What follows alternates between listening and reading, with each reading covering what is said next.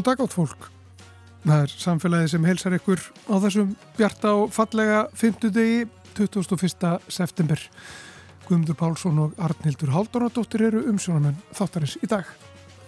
Og alls konar á dagskraf hjá okkur í dag, til dæmis eh, stafræn þróun, stafræn umbreyting, hvernig stafræn þróun á sviði auðkenningar á eftir að breyta ofinberið þjónustu. Þurfa til dæmis allar helstu stopnanir að eiga skrá yfir andlit allra íbúa á Íslandi. Hver eru tækifærin og hætturnar og er einhvers konar bylting í vendum? Við ræðum þetta við Sverri Geirdal, framkvæmdastjóra miðstöðvar stafrætnar nýsköpunar á Íslandi. Og það eru töluð yfir 200 tungumál á Íslandi og sífælt fjölgar í hópi barna sem að alast upp við að tala alast upp tvítingd eða fjöldtingd. Nú fer fram á Grand Hotel stort málting sem ber yfirskriftina fjöldtingdar fjölskyldur og skólastarf og við ræðum í þættinum við fræðimenna Artem Ingmar Benediktsson og Renötu Emilsson Peskovu. Og svo ætlum við að heyra ágæðan pistil frá Stefáni Gíslasinni umhverju stjórnunafræðingi, pistil um nanoagnir. Þetta er endurfluttur pistil frá árunum 2020. En við ætlum að byrja á stafrætni þjónustu.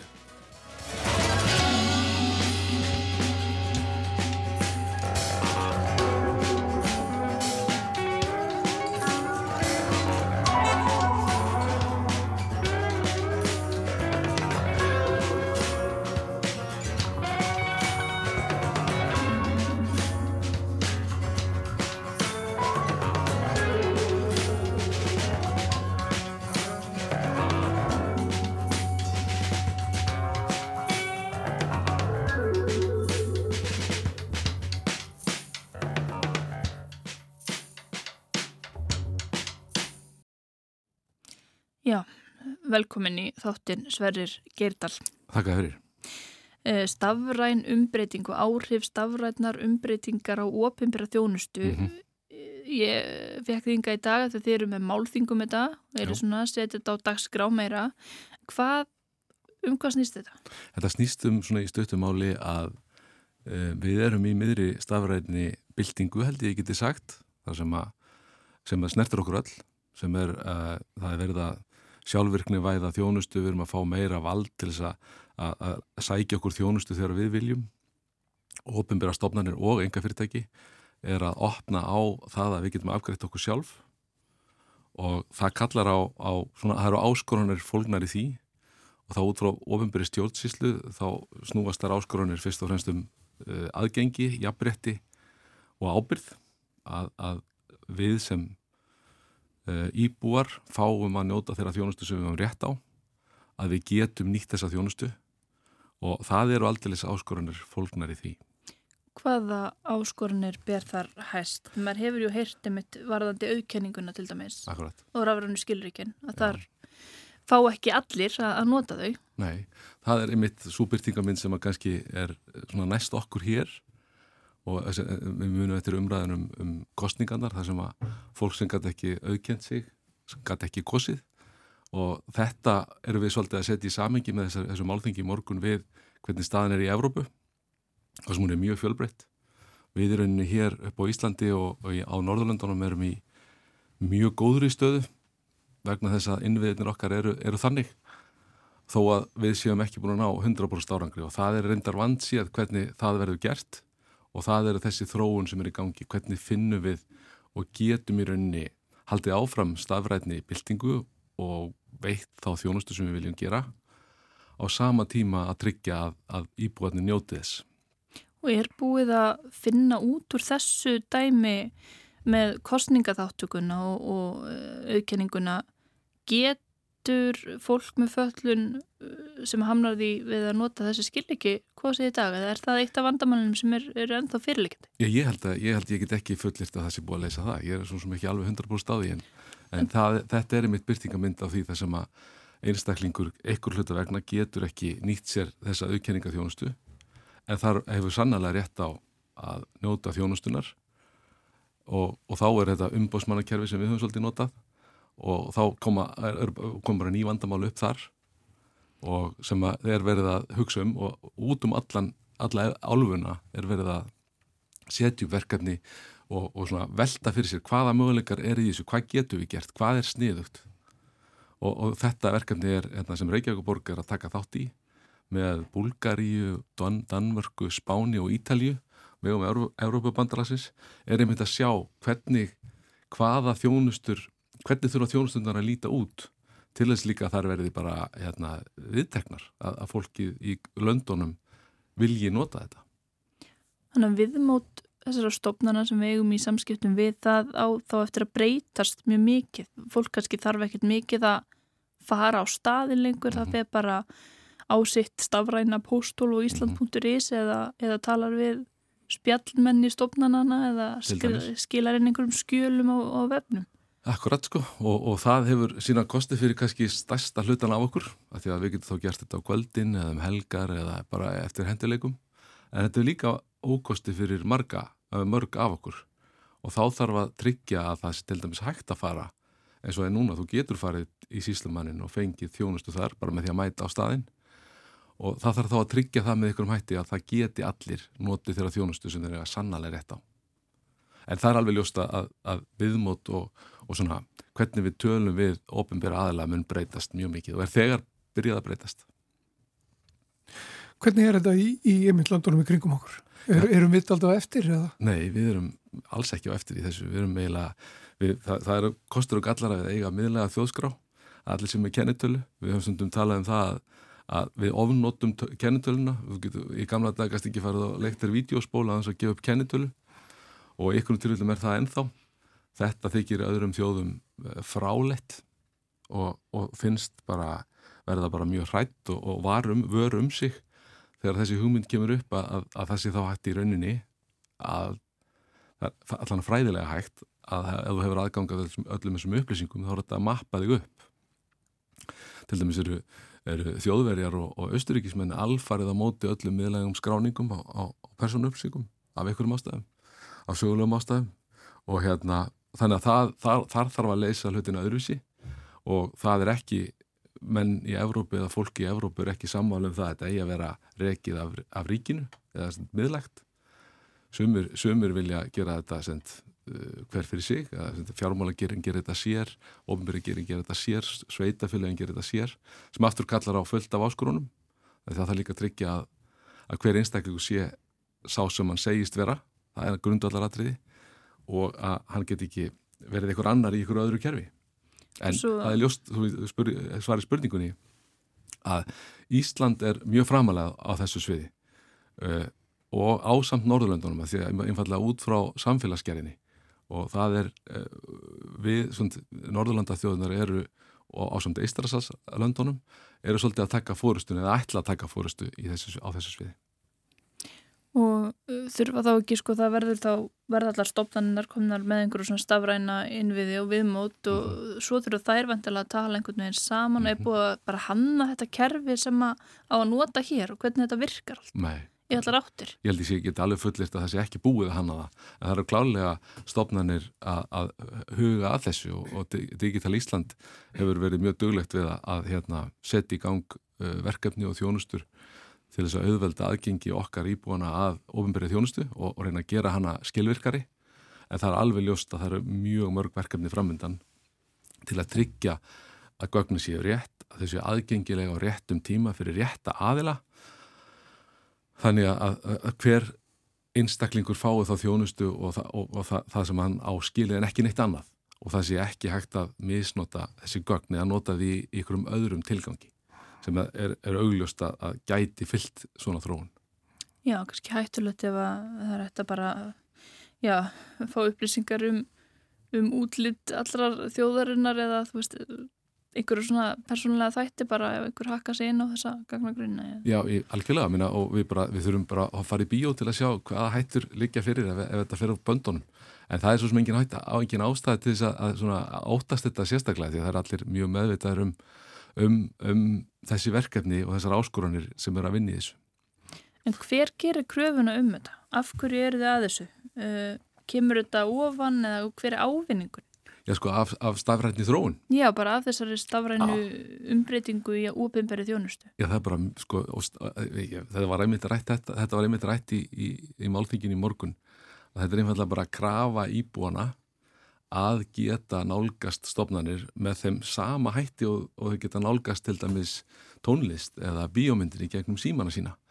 Og, og það er alveg ljóst að, enga aðlar eins og Apple og Facebook og þessi stóra aðlar eru langt á undan í að nýta sér þessa tækni sem er nú þegar til. Og íbúðinni gerir einfallega kröfu til þess að þeir fái svipaða þjónustu eins nökra lausa og þeir upplefa hverjum degi í gegnum bara sitt annað líf og það og, og, og ofnbyrgirin er svolítið að reyna að ná í skottið á þessari þróun átt að segja á því að þetta verður þetta, þetta mun bara halda áfram. Það er ekki hægt að, að hérna, líta fram hjá þessu.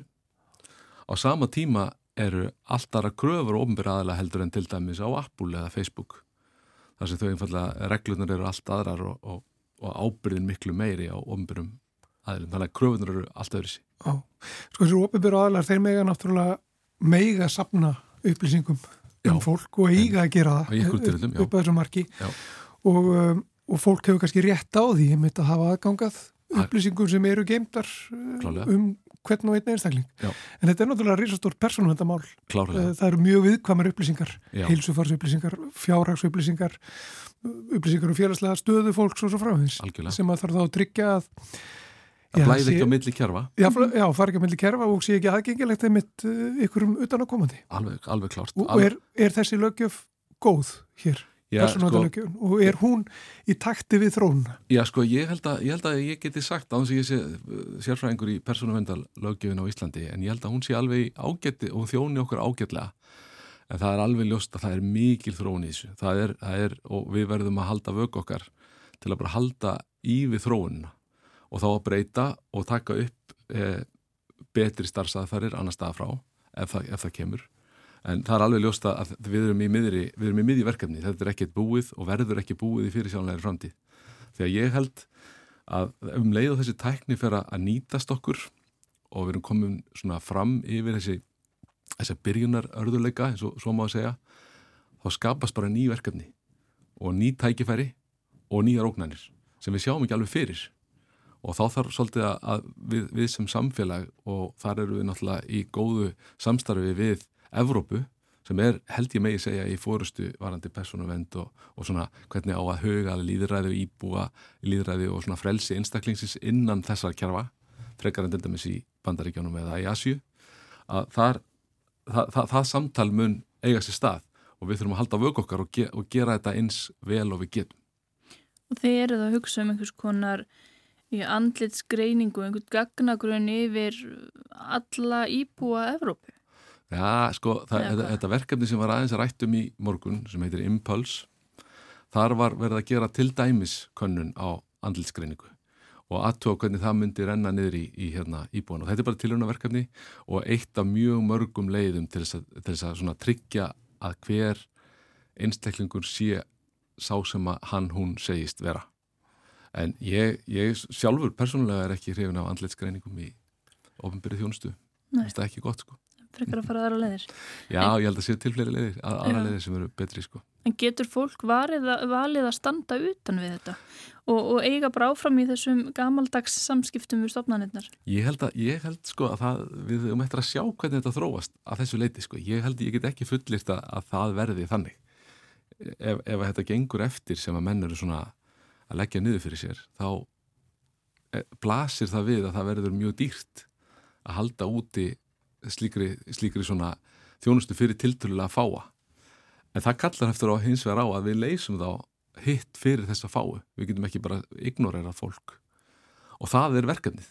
Það er þetta, þetta inclusivity eða, eða hafa alla með og að jafnbretti sér tryggt að því að við viljum ekki auka á misrætti með stafrættin þjónustu, alls ekki Er ykkur hugmyndur um uh, samskipti þá milli uh, ríkja jafnvel, stopnana á milli ríkja að það sé það sé það miðlegt einhvern veginn að það sé hægt að sækja upplýsingar milli landa og þess að þar að heims posthólfið Já, einmitt, sko, það er út frá aðgengismálunum svona útópían að ég Sverrir Gerdal sé Sverrir Gerdal á, á Íslandi, í Svíþjóð, í Þískalandi og vegabriðum mitt sé þessu og ég, mér sé treyst og ég sé ég allstaðar. Það er langt í það. Hins vegar gæti það orðið raunveruleikin á Norðurlöndum og það er náttúrulega þannig að við, e, það er gott samstarf á milli Norrlandana og ég held að séu, ykkur staðar heyrði ég þá tölu að það veri 100.000 Íslendingar sem eru með kennitölur annar staðar á Norrlandunum en kerfin í þessum löndum tala ekki saman þannig að ég er til dæmis með kennitölu í Danmörku. En þegar ég er í Danmörku, Sverri Gerdal í Danmörku þá er ég ekki sami maðurinn eins og hér. Þannig að það þarf að, það þarf að byrja á því að finna út úr því. Þannig að þessi, þessi svona singul hérna, eða svona, svona gullskrá eða einn skrá sem að, eða, einhvern veginn er hægt að leiti í. En að það sé fyrir heiminn er, er mjög fjár, fjár, fjarlægur draumur. Eða martröð eftir hvernig líka það Einmitt Já, það var margt eftir að koma í ljós allavega í þessu Já Já. E, en fyrir þig sem ert að starfa í þessu og þú sagði ráðan sko þér hugnast nú ekki til dæmis allir skreiningin og, og þetta allt saman. Já. Er þetta mjög skipta skoðunir um þetta innan, eða sko meðal þeirra sem eru að vinna þessu mál?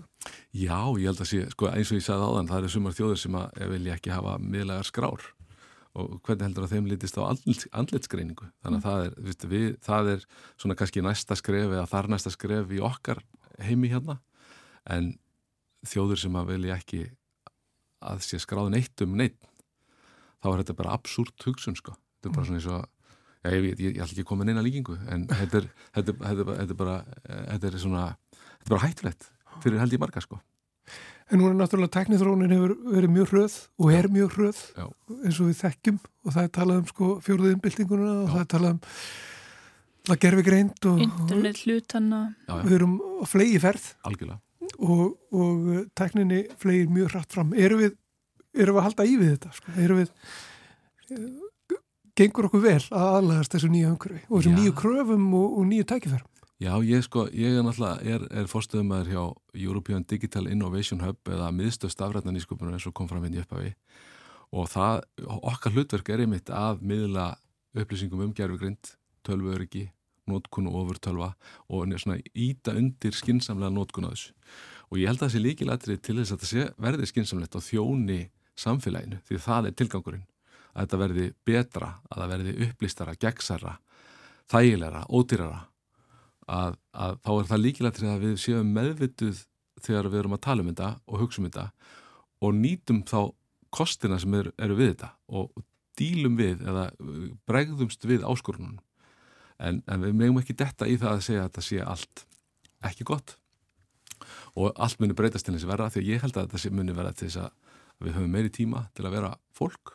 Við höfum meiri, meiri tíma til þess að sinna hvort öðru og okkar svona hugðarefnum frekar heldur en að vera í, í svona þessum eitthvað ég var að segja leiðilegu eða, eða svona vennjulegu verkefni sem að tölvan getur gert fyrir okkur eða gerur grindin þannig að ég sko við erum að reyna stuðla að þessu að við verðum upplýstari og við vitum allavega hvað við erum að tala um í hérna EDA hjá. Það er mikilvægt. Takk kærlega fyrir að koma og spjalla við okkur í samfélaginu. Takk fyrir mig. Gerdal. Takk.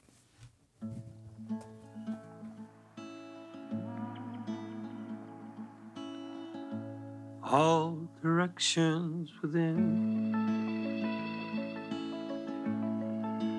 30 miles of catering no sign of order. You're right, sir. You let it all grab it all before the trial. It's cold, empty tubs. You're gonna rise up.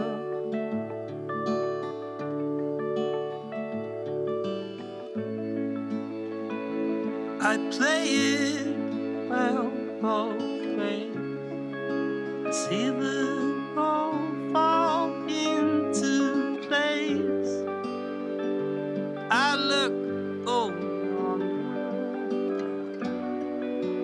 many broken stairs. one fine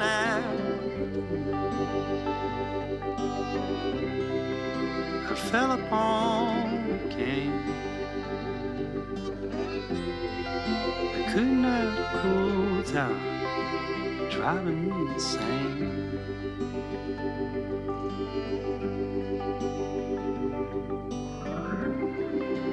Playful afternoon. I heard it in the rain. Can't go on driving insane.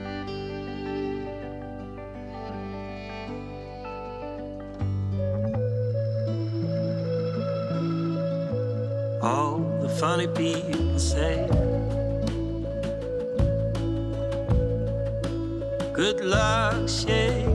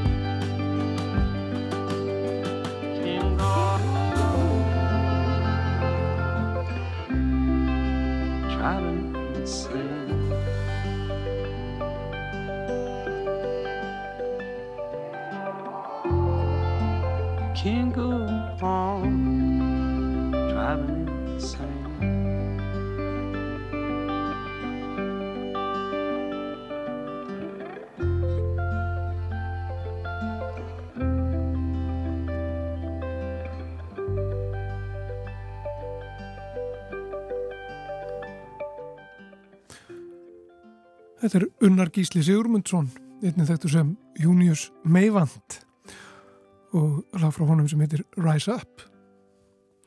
En þá að fjöldtingi á Íslandi við rættum við tvo fræðimenn sem að hafa á samt fleirum komið að stóri rannsókn á fjöldtingdum fjölskyldum á landinu.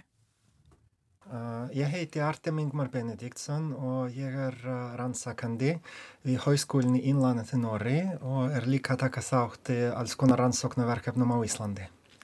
Og ég heiti Renata Emilsson Peskova og ég er lektor á mentavísindasviði Háskóla Íslands. Ef að þið segja, segja okkur aðeins frá þessu málþingi, kannski bara fyrst, málþinginu sem að hóst í morgun.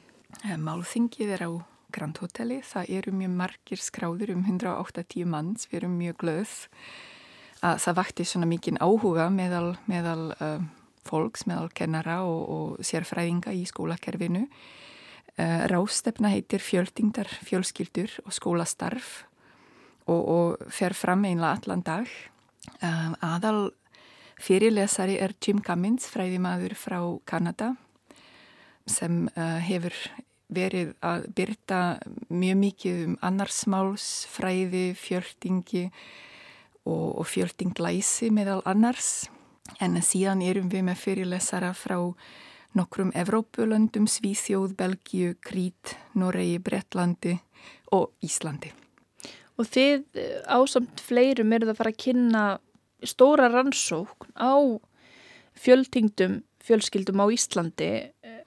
Hvað, svona, hvað eru þið þá að skoða helst við, við þessar fjölskyldur? Þetta er náttúrulega sífælt algengara að, að fjölskyldur og, og börn alist uppi mörg eða tvöða fleiri tungumál hér.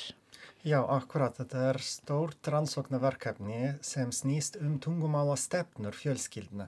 Út af því að það er mikið af fjölskyldum sem tala alls konar tungumál og það er oft uh, mamma og pappir með mismunandi tungumál og tala til dæmis ennsku milli sín og svo er íslenska í skólanum. Þannig að börn eru með eitthvað fjögur tungumál og það er svo erfitt stundum fyrir fjölskyldur að hérna að finna út hvaða tungumál þeir að nota út af því að í mismunandi ástæðum notu mismunandi tungumál og þá mynda sumar fjölskyldur sína einn tungumála stefnur hvernig þau nota tungumáli, hvaða ástæðum til dæmis nota enska, móðurmál, íslenska og þetta er akkurat það sem við erum rannsaka og mikið náhuga á að skilja þessar tungumála stefnur í mismunandi fjölskyldum og hvernig þetta virkar.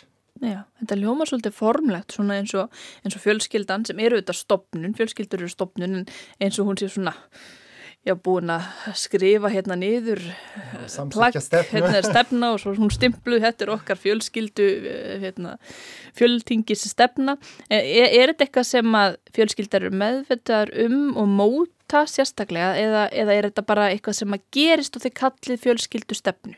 Þa, það er yfirleitt mjög uh, ómeðvitað og ef að það er meðvitað þá er það ekki skrifa nýður á blad heldur það er ganski nýðurstaða hugmynda foreldra um tungumál og gildi þeirra og mikilvægi og hvernig þau sé á framtíðina sína og barnana sína í heiminum á Íslandi á, á þeim stað sem þeir eru í lífinu.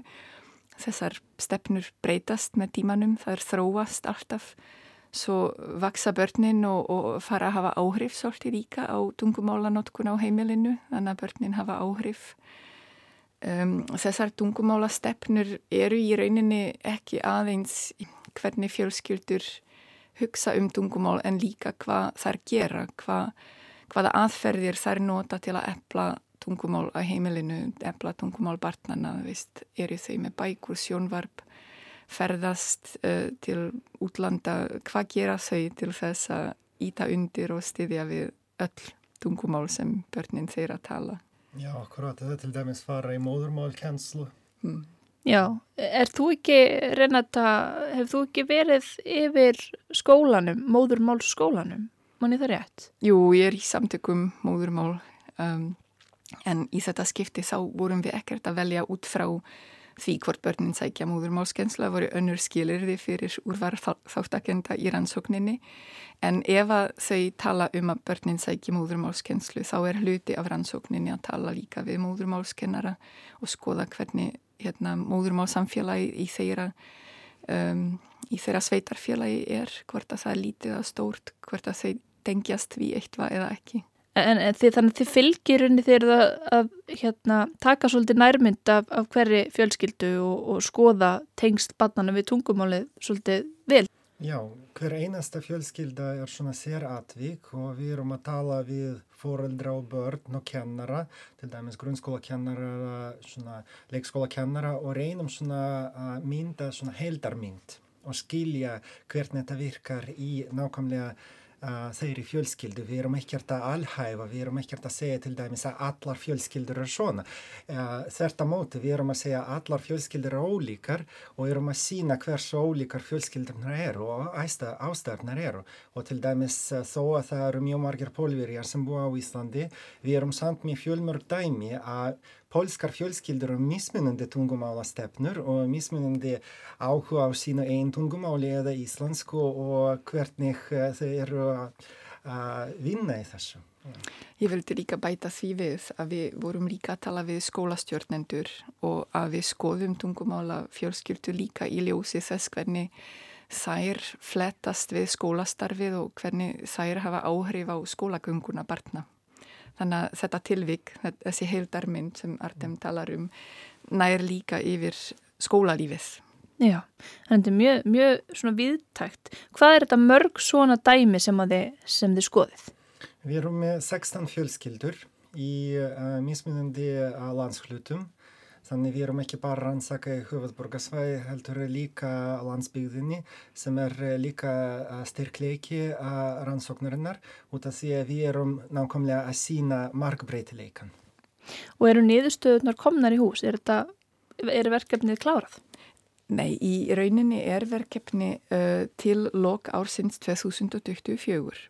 Þannig að við erum nánast klár við gagnasöpnun. Ég held að vandar bara eitt að tvö vistöl í viðbót uh, til að vera með öll vistöl. En gagnagreining hún er áframhaldandi og, og við séum held ég kom, komin með helstar nýðurstöður úr samtölum við fóröldra og börn. En mig grunnar að við erum ekki alveg búin að greina skólastjórnendur. Þannig að þetta er allt í vinslu.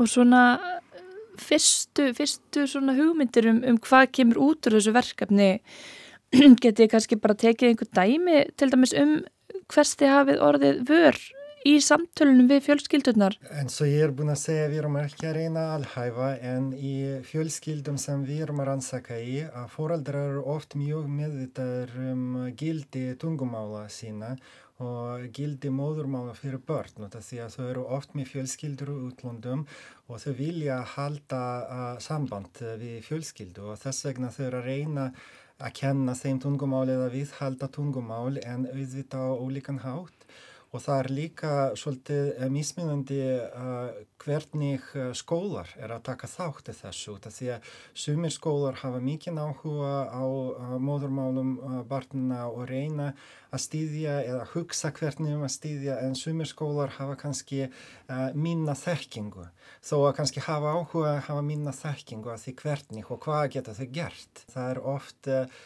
kennar að hugsa þannig að til þess að stýðja tungumál barnana það verður maður að kunna tungumál sem er auðvitað ekki hægt, maður getur ekki uh, talað öll tungumál því að það eru ná, nánast 200 tungumál talað á Íslandi. Og líka eitt sem við sjáum er að foreldrar sem ætla að búa á Íslandi leggja miklu áherslu á íslensku þannig að þau styrkja börnin sín og styrja við að læra íslensku En við sjáum líka að það eru ekki sömu tækifæri á höfuðborgarsvæðinu og landsbygðinni þannig að bara eftir því hversu stórt sveitarfélagið er og líka hversu stórt kannski mál samfélagið er í ákveðinu tungumáli uh, það veitir foreldrum mis uh, góðan aðgang að styrningi. Þannig að ef þú ert til dæmis til er í stóru mál samfélagi eins og pólsku eða já, takalog eða eitthvað þá og, og býrða höfuborgarsvæðinu þá ertu í, í svona betri stöðu heldur en einhver sem býr í litlu þorpi út á landi og talar kannski kannski talar eitthvað tungumál sem er ein manneski sem talar á Íslandi. Já, ætli þið að, að leggja eitthvað til? Er, er hvernig getur Ísland gert betur til þess að styðja við fjöldtingdar fjölskyldur? Ég held að við erum ekki alveg komin með þannig nýðurstöður og tillögur en, en eitt auðvitað sem við sjáum er þema í greiningunni okkar er samstarf heimila á skóla. Það sé mikilvægt að kennarar hlusti á fóreldra og þeirra hugmyndir um dungumál og, og það sé mikilvægt einmitt að, að um, heimilinn styðji við skólana og, og kannski læri hvernig það er að vera skólafóreldri á Íslandi og hver, hvaða vændingar skóli hefur hvert þeim í dengslu með heimavinnu og íslensku lestur og, og þess áttar. Og mm -hmm. það er auðvitað ekki bara einn uppskrift og það snýst allt um uh, samskipti uh, á milli skóla og fjölskyldna og það því að oft eru samskipti lítil og sérstaklega það því að við byrjum okkar ansóknu akkurat í loka COVID-tímanum og þá voru stundum kennar að tala akkurat um að eftir COVID þá mingu samskipti út af því að fólk var svona aðeins uh, farin online heldur en að vera offline. Já. En samskipti er líkilega atriði í þessu. Fólk sem talar íslensku, það er kannski ákveðinu forriðtundastöðu og, og kannski auðveldara með, að, með samskipti við kennara í skóla ef að, ef að þeir tala flestir íslensku á móðumáli. Þannig eru sko hallar á foreldra sem að, og þá börn sem að tala annað tungumál þegar kemur að því að ná þessum góðu tengslum við skólana? Ég held að sko allir foreldrar vilja alltaf að börnin ná í árangri í mentun. Veist, þessi metnaður, hann er einlega hjá öllum foreldrum, mentuðum, ómentuðum, úr hvaða landi sem er. Þau vilja góða framtíð fyrir börnin sín. En þeir koma frá mismunandi löndum og menningum og hafa ganski mismunandi reynsla skólakerfum í sínum löndum og það er grunnatriði að skilja hvernig skólinn virkar hér og ég held að þetta eitt af hlutum sem skólar og sveitarfélög geta hjálpað við að búa til fræslu og ég veit til dæmis um stort verkefni núna endurreist fóröldrastarfs á vegum heimili og skóli uh, landsamtaka fóröldra sem, sem er um, í uh, samstarfi við um, barna og mentamálar áðuneitið og einmitt til þess að draga fóröldra og sérstaklega fóröldra ferlendum uppruna inn í samtalið á milli heimila og skóla. Já og svo emitt eins og þau nefnið þurfa þá kennaratnir og, og starfsfólk skólans líka að setja sig inn í þennan veruleika sem við búum í dag þar sem við tölum ekkert bara íslensku og Íslandi heldur bara einmitt 200 tungumál sko. Já og fá líka tækifæri til starfþróunar og því að í þeim viðstöðum sem ég, ég tók við kennara þá voru akkurat að segja að það er ekki mikil tækifæri til starfþróunar og til dæmis eh, þegar ég var að spyrja um uh, stefnur, tungumála stefnur í hérna sveitafélagum þeir kennara sem ég talaði við sögðu að þau þekkja að þessar stefnur séu til en þau hafa feng, ekki fengið neina freslu um hvernig er að framkvæma þessar stefnur að veruleikanum. Þannig að innleiðing stefnana er mjög mikilvæg að, að það sé fylgt eftir stefnunum sem eru mjög fallegar á Íslandi. Já, já það þurfa náttúrulega að virka, já. Já, en það þarf að rindaði með framkvæmt. Uh, já, bara aðeins svona því ég er svo forvitin um sko hvernig bara eh, fjöldtingdar fjölskyldur sérstaklega þegar þið nefndu eh, sem stærru töluð fjögur tungumál eða þrjú á heimilinu og eitt í skólanum mm. Hvaða svona bjargráð og, og, og hérna aðferðir notaðu til þess að að styrkja tungumálagrunn badnana Ég held að flestir fóröldrar tala um bækur á heimilinu til dæmis að þau séu með bækur á tungumálunum og þau sem geta ferðast til heimalandsins koma með bækur alltaf frá heimalandinu. Eh, þau tala auðvitað um tækin, sjónvarp, síma, tala svolítið mikið um að tala á tungumálunum, bara hafa samskipti og, og þá hafa tengst við fjölskylduna úti. Bara mynd símtöl. Mm, mynd símtöl, já, eins og er í dag. En ég held að fóröldrar treysta oft skólanum fyrir íslenskunni veist, að, að þau kannski aðstöða vilastur eins og þau eiga að gera. Og ég var einmitt að lesa tilvitnun þar sem mamma segir veist, ég, ég skil ekki tekstan á íslensku en, en ég sé myndirnar, ég get svona giskað á innihaldið. Þannig að dóttirinn les og svo hveti hana til að segja mér frá ámóðurbálinu þannig að hérna er fallegt dæmi um krosstingingu og barnið kannski skilur ekki alveg að mamma skilur ekki alveg en barnið lesa á íslensku og síðan endur segir á, á móðurmálinu og það er einmitt bara fallegt dæmi hvernig maður getur stið við bæði tungumál í einu í rauninni Já. og þessa fjöltingda þróun. Og í aðalfyrirlisarinn ykkar á ráðstöfnunni, hva, hvað er svona það, það nýjasta í þessum fræðum í dag? Hva, hvað er þessi maður að fara, fara fjallum? Sko, Jim, byrjaði, Jim, Cummings. Jim, Jim Cummings, hann byrjaði með meginlega rannsóknir á annarsmáls uh, fræðum og færiðist svolítið mikið í áttina að, að tengslum á milli tungumála og fjörtingi, fjörtingdu læsi, hvernig börn geta þróað með sér fjörtinglæsi, þar að segja skólamál, heimamál, öll tungumál sem eru í tungumálaforðanum hjá börnunum og hann talar einmitt um að byggja til grunninn fyrir árangur í mendun strax frá leikskóla og fyrstu árum mm. grunnskóla. Og það sem er akkurat út af því að þú varst að spyrja um hvað er nýjast uh, núna, það er mjög mikið talað um sjálfbarni í mentun. Þetta er akkurat það sem var að byrja að segja. Maður byrjar að þessu að viðhalda tungumál og nota tungumál aktíft frá alveg leikskóla aldrinum og áfram, áfram, áfram og svo líka að kenna nefndum, að kenna krökkunum að halda við tungumála þekkingu og nota tungumál áfram og hérna sjá tungumáli síkt og móðurmáli síkt sem styrkleiki og ekki vera feiminn til dæmis að tala pólsku sem móðurmál eða lítæsku sem móðurmál. Heldur það bara styrkleiki þegar ég er að sækjum vinnu þetta er bara pluss en ekki mínus. Hvernig sér samfélagið þetta og hvernig sjá skólanir tvítingd og fjöldtingd börn? Er settur einhver svona vandamálastympill á þau? Þegar stundum er, er talað um þetta finnst mér eins og þetta sé einhvers konar námsörðuleiki. Er það ennþá? Það er allur skali á því en, en ég myndi segja að bara með mentun og aðgengi að fræslu og, og fólk sækir sér námskeið og mentavísindasviði meðal annars að það sé aukast meðvitundum mikilvægi tungumála og líka með auknum rannsóknum og umfjöllun í, í samfélaginu um, um gildi fjöldingis. Þannig að ég, ég myndi segja að ég, ég er frekar jákvæð að því að það vilja allir vel þú veist og að stundum nálgast kannski kennar í barn frá þessari hallaríkan og, og lítur á fjöldingi sem ókost, frekar enn kost. Og, og kannski þetta sko að maður þarf að skilja fjöldingi er ekki örsög þess að það næst ekki árangur í skólanum. Það eru andrir þættir sem valda því veist, og það er ekki fjöldingi að kenna að, að barnin er ekki árangri. Það eru mjög margir þættir sem hafa áhrif á árangur í skóla. En hvernig vegnar börnum sem að tala mörg og alast uppi mörg tungumál á Íslandi í dag? Já, uh, það er uh, góð spurning. Þetta því að eins og ég er búin að segja það eru svo ólíkar fjölskyldur og ólík börn og það fer svolítið eftir uh, eins og við, ég er að sjá í nýðurstöðum rannsóknarinnar að það fer svolítið eftir hversu lengi þau eru búin að búa á Íslandi. Börnum kannski sem að fæst á Íslandi eða að búið svona mest allan hlutan uh, lífsins á Íslandi þeim gengur bara mjög vel.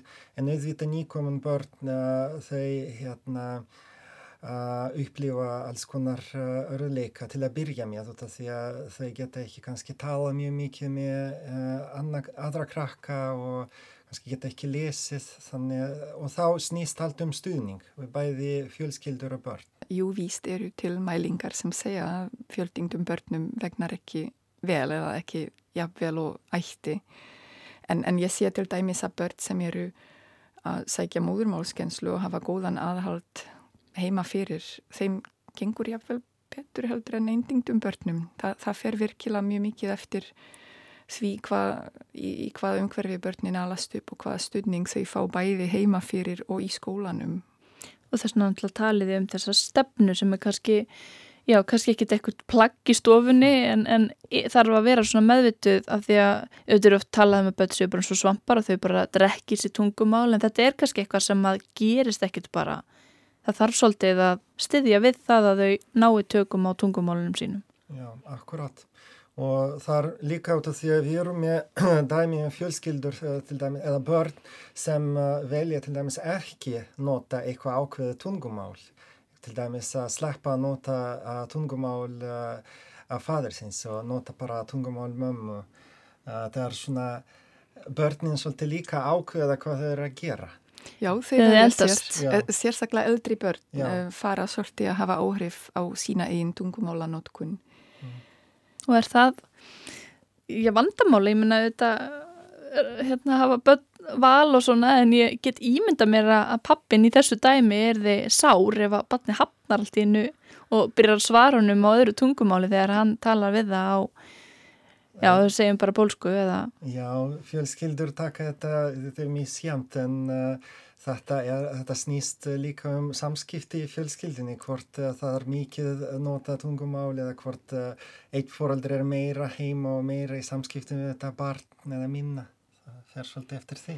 Það eru alls konar tilfinningar í þessu og ég held að foreldrum sem ná ekki að viðhalda móðurmálinu og þar er rannsóknir um það, þeim getur liðið ótrúlega illa út af því. Þau ganski gagvart sínum foreldrum, gagvart tungumála samfélaginu, þeim finnst að þau hafa einhvern veginn ekki staðið sig nóg vel. Og þegar börnin eru komin á táningaaldru og hafna algjörlega móðurmálinu að því að jafningjar einhvern veginn geta stríkt þeim eða veist, umhverfi er ekki fagnandi Þa, þá eru mér kannski sárar tilfinningar heima fyrir að því að auðvitað tengjast tungumálinn sjálfsmyndunum mjög mikið bæði fóröldra og barnana en, en það sem ég sé líka í minni rannsók til dæmis doktorsrannsók að börn sem er í umhverfinu sem stýður við öll tungumál. Þeir hafa jákvæðar sjálfsmyndir, fjöldingdar já, jákvæðar sjálfsmyndir og líta bara jákvægt á öll tungumál. Og, og það stafa líka að því að foreldrar fjölskyldur styðja við öll tungumál veist, og kennarar styrkja öll tungumál og ef að umhverfi er svona jákvægt í garð allra tungumála þá kannski skinja börnin ekki þetta að þau þurfi að fela eða skamast sín fyrir ákveðin tungumál. En, en jú, það, hérna, tungumálinn dengjast mjög mikið tilfinningum. Mm. Já, þetta er aldrei bara tungumál. Þakk ykkur fyrir að ræða við mig um, um þessi mál uh, Reynata og Artem. Takk. Takk fyrir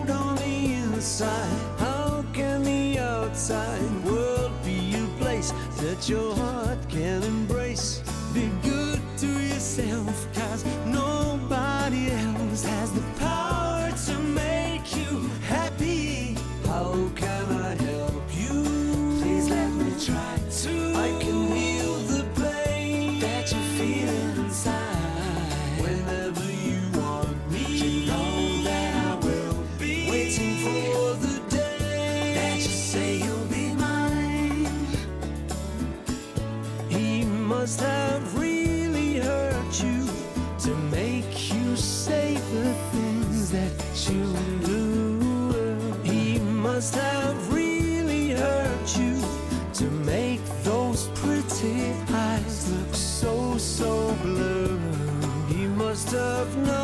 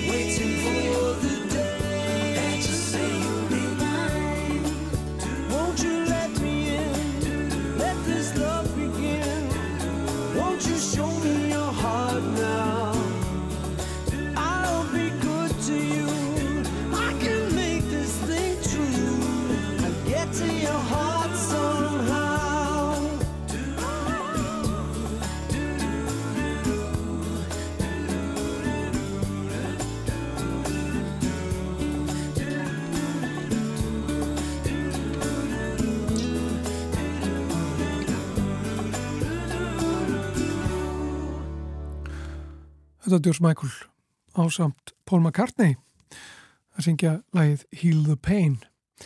En næst ætlum við að rifja upp uh, pistil frá Stefánu Gíslasinni. Þessi uh, pistil fjallar um nanoagnir.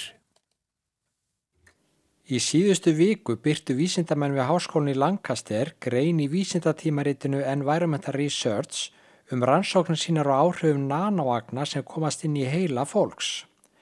Nanoagnir eru ólíkara uppbruna en eiga það allar samilegt að vera örsmáar. Orðið nano er upphala á grísku og þýðir þar dvergur en nú til dags þekkjum við það helst sem forskeiti í SI einingakerfinu þar sem það stendur fyrir 1 miljardasta. 1 nanometri er þannig 1 miljardastur metra eða með öðrum orðum miljónasti partur og millimetra. Líklega er venjulegu skrifstofupapir um það byl 100.000 nanometrar að þygt svo reynd sé að gefa einhverja hugmyndum stærðina. Reyndar eru stæstu nanoagnir samkvæmt skilgreiningu allt upp í 100 nanometrar í þvermál sem er þá 1000asti af þygt papisins. En svo er vikinu aftur að niðurstöðu vísindamanna frá Lancaster þá fundu þeir vísbendingar um að nanoagnir í heila stopnum ungra íbúa Mexikoborgar sem hafa búið við mikla loftmengun séu líklegar til að stuðla því að þetta unga fólk þrói með sér Alzheimer sjúkdóm síðar á æfinni. Þetta er ekki fyrsta sinn sem vísbendingar finnast um tengsl nanoagna við Alzheimer en í þessari rannsókn fundust líka fingraför Parkinson-veikinar og MND eða reyfitauðungarhördunar í heilum ungmennana. Nánartiltekið annars vega forstig skemta í sortu eða substansia nigra í miðheila sem tengjast þróun Parkinson sjúkdóms síður á æfinni og hins vegar krumpuð prótein sem geta verið fyrirbóði MND. Fólk á sama aldri sem ekki bjóða eins með einhverjum svæðum síndi hins vegar ekki þessi einkenni það er kvorki nanoagnir nýja þess að tilteknum fyrirbóða um alvarlega sjúkdóma síðar á æfinni.